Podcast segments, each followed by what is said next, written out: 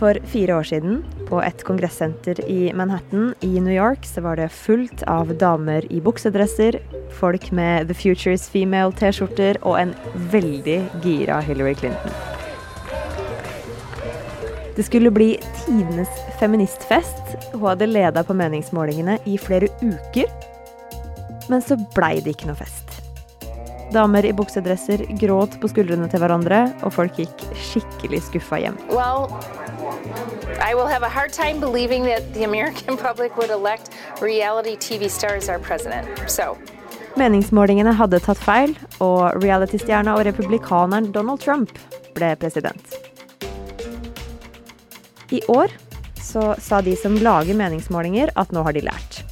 Og på meningsmålingene så har demokraten Joe Biden hatt en solid ledelse i flere måneder. Men da valgresultatene begynte å komme inn, så var det ikke det vi så. Hvorfor bomma de igjen? Du hører på Forklart fra Aftenposten. Jeg heter Anne Lindholm, og i dag er det torsdag 5. november. Øystein K. Langberg, vær helt ærlig nå. Eh, på tirsdag, da du som Aftenpostens USA-korrespondent hadde kjørt rundt i masse stater, snakka med amerikanere, sett TV-sendinger og ikke minst studert meningsmålinger, hva trodde du utfallet av presidentvalget skulle bli? Nei, altså jeg må jo bare innrømme, eh, og det, er, altså, det har jeg skrevet òg, altså, jeg, jeg trodde Biden skulle vinne dette ganske komfortabelt. Og egentlig så trodde jeg vi skulle få et resultat sånn ganske tidlig på valgnatta. Uh, og det var jo det meningsmålingene viste, og disse valgmodellene viste. Uh, de har egentlig hatt en ganske sånn stor og stabil ledelse for Joe Biden i over et år. Um, og det var klart at målingene måtte bomme mye mer enn i 2016 for at Trump skulle vinne, eller for at det skulle bli jevnt. Uh, og det var det vi visste på forhånd og gikk inn i valgkvelden med. Når var det du skjønte at det ikke blei sånn? Det kom egentlig sånn, i sånne gradvise drypp. Eh, den første varsellampen det var da det kom tall fra Florida på valgdagen som viste at republikanerne stilte opp ved urnene i hopetall. Um, og så kom det en annen litt sånn uh, rar varsellampe, får vi kalle det, med valgdagsmålingen, som viste at det så ut som Trump hadde litt mer gehør for det budskapet sitt om å gjenåpne økonomien og, og at liksom, koronaviruset måtte ikke få styre alt. Mer gehør enn det vi hadde trodd, kanskje. Ja, og Den tredje og store varsellampen var da resultatene begynte å, å, å tikke inn, og det ganske fort ble klart at, eh, at Trump kom til å vinne eh, den store, store, viktige vippestaten Florida. Hvordan reagerte folk der du var på, på de her varsellampene? Nei, altså Jeg uh, er jo i Washington DC, hovedstaden, som jo er, er en av de aller mest demokratiske statene i hele USA. Så, så, her var folk egentlig klare for fest. De hadde også sett målingene, og, men mange husker jo 2016 og har veldig vonde minner fra, fra fire år siden. Men, men, det var likevel en sånn følelse at dette kunne gå veien. Eh, men da målingene begynte å tikke inn, så var det sånn ja, dyp desperasjon hos mange. Eh, det var også folk som, som tok til tårene, som satt og så på storskjerm. Eh, i en park her i, her i, hovedstaden. Men også så var det jubelscener. Plutselig kom det tall for, for, Joe Biden som var ganske gode. Så det var en sånn skikkelig berg-og-dal-bane. I honestly started tearing up because when we first walked over, uh, it was like not looking so hot. Um, With Florida and everything. Yeah. yeah. yeah. And so I didn't feel very like, like she said, very promising. But we have no choice but to be hopeful that yeah. he doesn't get reelected. So. Yeah. So you voted for Biden? Yes. Og det er jo sånn, Når du snakker med demokrater, så er det fortsatt sånn at mange av de som, som virkelig er inne i politikk, de bare skjønner fortsatt ikke hvordan det er mulig at Trump kan være nære i det hele tatt å bli gjenvalgt. De skjønner like lite av det i dag som for fire år siden. USA er et land som er glad i statistikk. I hvert fall når det er snakk om politikk. I meningsmålingene så deler de inn velgere etter kjønn, etter hvor de bor, om de er afroamerikanere, om de er latinamerikanere, om de er hvite, hvor mange års høyere utdanning de har, eller hvor gamle de er. Og alt det igjen kan måles på landsnivå, delstatsnivå eller fylkesnivå. Og eksperter, TV-ankere og reportere de sitter i timevis, særlig i forkant av et valg, og analyserer alt det her. Four years ago, Trump won Florida by 117,000 votes. In Wisconsin, number one, we're seeing higher cases, we're seeing second waves. Number two, we could see a lot who have been affected economically by COVID. We know Donald Trump has also been spending time in uh, places like Michigan, which were not considered a lock and which seemed, according to many polls, to be a sort of double digit lead for Joe Biden.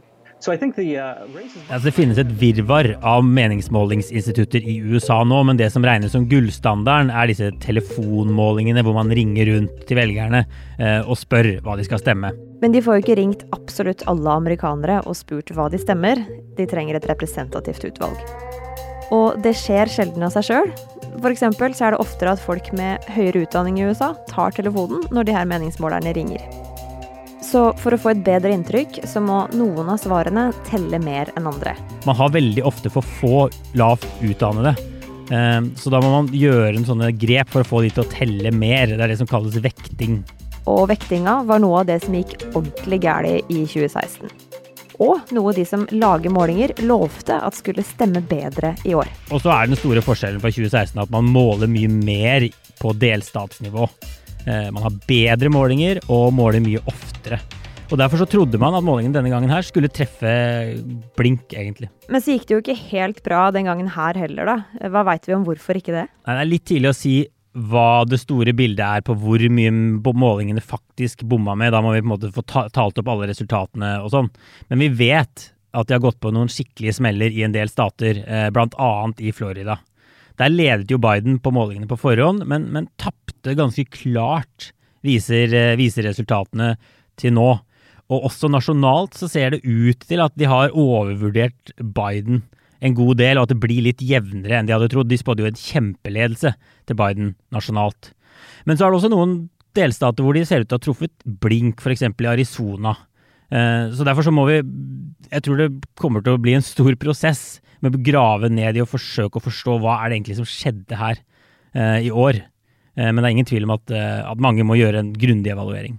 Ja, for du var jo inne på det her med at utdanning gjorde at man kanskje vekta det skeivt før. Er det noen andre ting som man kanskje kan ha vekta skeivt nå, som folk allerede snakker om? Altså, det er mange ting man kan vekte for, og det er jo også sånn f.eks. med sånn minoritetsbakgrunn og den type ting, som de forsøker å vekte for. Men jeg tror det som kan ha vært en utfordring i det valget her, er at valgdeltakelsen har økt ganske mye fra ett valg Eh, til det neste. Og det gjør det mer uforutsigbart å lage meningsmåling, for jeg vet ikke helt hvilke type velgere som, som strømmer til urnene i større grad enn før. Eh, så det er lettere å lage gode målinger når valgdeltakelsen er relativt jevn over tid. Så det kan være en del av forklaringen. Men hovedresultatet var ikke den eneste overraskelsen fra meningsmålingene i det valget her.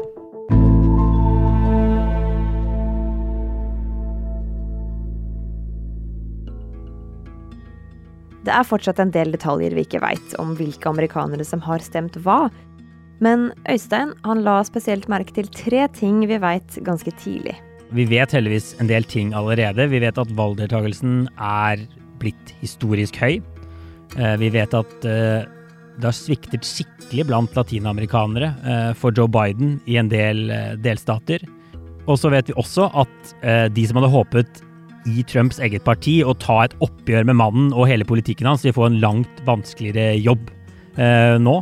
Vi kan jo kanskje ta dem litt mer detaljert. Da. For, ta det første først. Eh, går det an å si noe om hvorfor valgdeltakelsen var så høy denne gangen? Ja, jeg tror det går an å si litt om det. Joe Biden har jo snakket om at dette er en, et valg som vil handle om USAs sjel, hva slags land USA skal være. Han har fremstilt det som at ekstremt mye står på spill. Oh, Og jeg tror det har vært sånn at begge sider egentlig har oppfattet at dette er at USA står ved et skille, at dette er et veldig viktig retningsvalg. Uh, at dette kan liksom endre hele nasjonens fremtid. Um, altså, blant demokrater så er det folk kan på en måte ikke klare De ser ikke for seg hvordan de kan overleve fire år til med Trump. Mens mange republikanere elsker jo Trump og mener han er den eh, Jeg har møtt mange som sier de mener han er den beste presidenten de noen noensinne har hatt. Så jeg tror det er en del av forklaringen på det. Du sa det svikta for Biden blant latinamerikanske velgere. Hvorfor det? Altså Det tror jeg man må bruke litt tid på å forstå skikkelig. Um, Biden har slitt litt blant latinamerikanere egentlig helt siden, siden primærvalgene uh, denne våren. Um, men han også, gjør, gjør, det også greit blant latinamerikanere i noen stat, stater. Så, men i Florida så ser det ut som at det har rakna skikkelig, og det er en grunn til at Biden taper, taper den staten. Og latinamerikanerne i Florida er en veldig sånn mangfoldig gruppe, men det er en stor andel av sånne cubanere som altså har flyktet fra regimet på Cuba, og som er ekstremt skeptiske til, til alt som oser av kommunisme, da, eller sosialisme. Eh, og Trump har jo drevet Trumps budskap har jo vært et sånn knallhardt budskap om at Biden vil gjøre USA til et, til et sosialistisk samfunn. Så det kan godt hende at det har fungert ganske godt i den gruppa der. Som Øystein sa, så blei jo ikke det valget her den fordømminga av politikken til Donald Trump som kanskje noen i det republikanske partiet hadde håpa på. Og mange, også vi her i Forklart, vi har beskrevet det valget her som en slags folkeavstemning om Donald Trump, og ikke egentlig et valg mellom han eller Joe Biden. Så går det an å si da at Trump på noen vis kanskje har vunnet den folkeavstemninga?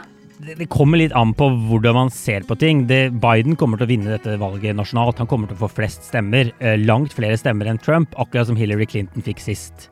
Så i et annet valgsystem så ville jo ikke dette vært en valgthriller i det hele tatt. Så da kan man si at, at Trump taper den folkeavstemningen. Men, men, det vi også har sett, er at Trump gjør det langt bedre enn ventet. Han lykkes med å få mange, mange millioner nye velgere til å stemme på seg eh, enn sist. Um, og det skjer jo da til tross for at USA står midt i en økonomisk krise, midt i en pandemi, og til tross for at presidenten har blitt på en måte nederlagsdømt. Eh, så, så det, det, jo, det, ser jo ikke ut som trumpismen, da, eller den måten Trump tenker og driver politikk på, er død i det hele tatt, og de som vil få det republikanske partiet tilbake til sine gamle, mer ja, moderate røtter, uh, med tradisjonelt republikanske røtter, de har nok en ganske sånn vanskelig jobb foran seg. Og så som du har sagt nå, da, så var jo flere av de tingene her ganske annerledes enn det man kunne se på meningsmålingene i forkant. Hva, hva betyr det for hvordan vi kan bruke meningsmålinger i framtida? Nei, jeg tror meningsmålerne må ta en ganske grundig evaluering av metodikken sin etter dette valget her. Og det er nok ingen tvil om at tilliten til meningsmålingsinstituttene kan komme til å svekkes ytterligere. Eh, de har ikke klart å rette opp alle feil siden sist. De går på noen grove smeller, i hvert fall i en god del vippestater. Eh, men så er det viktig å huske på at det er ikke sånn at de alltid bommer heller. Jeg har jo dekket valg i mange europeiske land hvor meningsmålingene har truffet blink. Og vi har også sett at de kan treffe ganske godt i f.eks. norske valg. Så det er ikke sånn at meningsmålinger Vi kommer til å fortsette å drive meningsmålinger. Men litt rett fikk jo årets meningsmålinger i USA likevel. Og med det så er Øystein ganske sikker på to ting. De som jobber med meningsmålinger, de kommer til å grave seg ned i tallene i flere uker framover og finne ut hva som gikk feil og hvorfor. Og nummer to, den som blir USAs neste president, får ikke noen lett jobb. Uansett hvem som til slutt blir president, eh, etter et så opprivende og jevnt valg som dette har vist seg å bli, så er det klart at den personen får ingen flying start inn i den jobben. Altså, vi kan jo ta dem hver for seg. da. Hvis det skulle bli Biden, hva ble utfordringene hans? Bidens store drøm var eh, å få et sterkt mandat fra folket til å ta et oppgjør med Trump, alt det Trump står for, og så få gjennomføre en sånn ny demokratisk agenda. Og det sterke mandatet ser han ikke ut til å få. Eh, han vinner ikke dette i et valgskred, det er helt klart. Og, og, Trump har allerede brukt mye tid på å kalle resultatet for en svindel. Det er ingen tvil om at mange av velgerne til Trump ikke vil se på Biden som en legitim president, selv om han skulle vinne, ende opp med å vinne helt legitimt til slutt. Så bare det å samle landet blir en, en skikkelig vanskelig jobb for Biden eh, hvis han vinner. Og dessuten så vil Biden slite med å få gjennom politikken sin, fordi han ikke får eh, et ordentlig flertall i Kongressen. Og Trump, da, kommer han til å ha noen av de samme utfordringene, eller? Ja, Hvis Trump vinner, så vil det være antageligvis på hengende håret. Og det vil også være andre gang han ikke har folkeflertallet bak seg. Han hadde jo heller ikke det i 2016. Um, og han vil ikke ha flertall i, i Representantenes hus.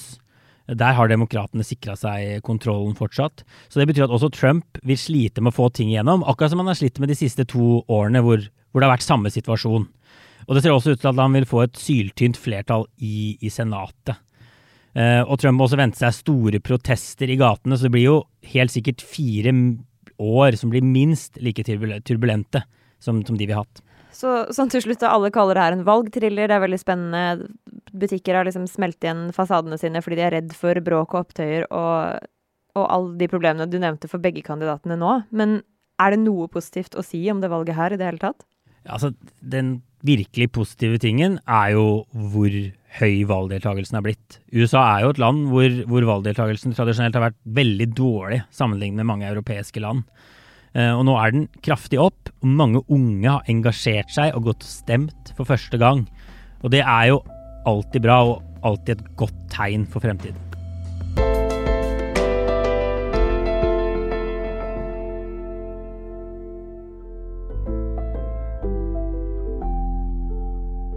Den episoden her er laga av produsent Fride Næss Nonstad og meg, Anne Lindholm.